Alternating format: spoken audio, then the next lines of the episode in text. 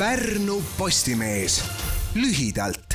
nädala uudiste kokkuvõte on teie ees Pärnumaa rahvaarv võttis pärast eelmise aasta tõusu taas suuna allapoole. ainsa omavalitsusena saab elanike kasvu üle rõõmustada Tori vald, mis sai aastaga juurde ligemale sada inimest. kui eelmise aasta esimese jaanuari seisuga elas Pärnumaal rahvastikuregistri andmetel kaheksakümmend seitse tuhat seitsesada nelikümmend seitse inimest, siis tänavu on neid saja üheksakümne elaniku võrra vähem Eesti koolilastest on ülekaaluline iga kolmas poiss ja iga neljas tüdruk. nii selgub Tervise Arengu Instituudi korraldatud uuringust. Pärnumaal on seis hullemgi. siin on näiteks neljanda klassi õpilastest ülekaalulised nelikümmend üks protsenti. esimeses klassis on see protsent kolmkümmend kaks ja seitsmendas klassis kolmkümmend kuus. Harju- ja Tartumaal jääb ülekaaluliste osa enamasti alla kolmandiku Pärnumaale lisandub peagi neljas Krossi toidukaupade kauplus, sest Lihulas Tallinna maantee kuuskümmend viis hakatakse ehitama Oleg Krossile kuuluva kaupluse keti järgmist poodi.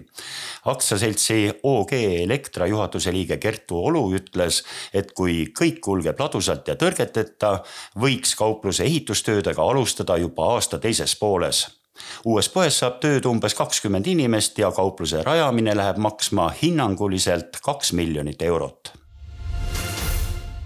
Pärnumaa loomade varjupaigast leidis läinud aastal kodu ligemale kolmsada looma.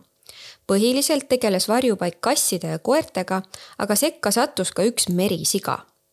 varjupaiga töötajaid teeb praegu murelikuks see, et üha sagedamini tuleb ette olukordi, kus lemmik tahetakse varjupaika loovutada, kuna omanik on surnud või on pere sunnitud kehva majandusliku olukorra tõttu kolima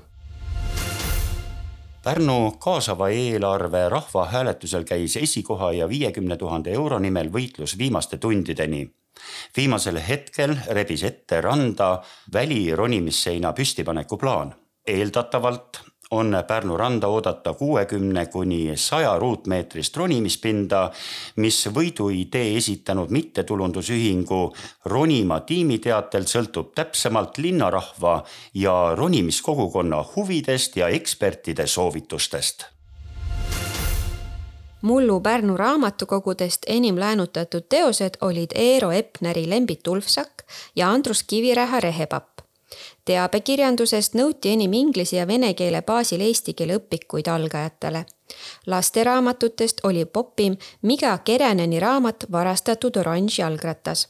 kokku laenutati aasta jooksul Pärnus raamatuid tublisti üle kolmesaja tuhande lühiuudised tõid teieni Siiri Erala ja Raido Keskküla Pärnu Postimehest.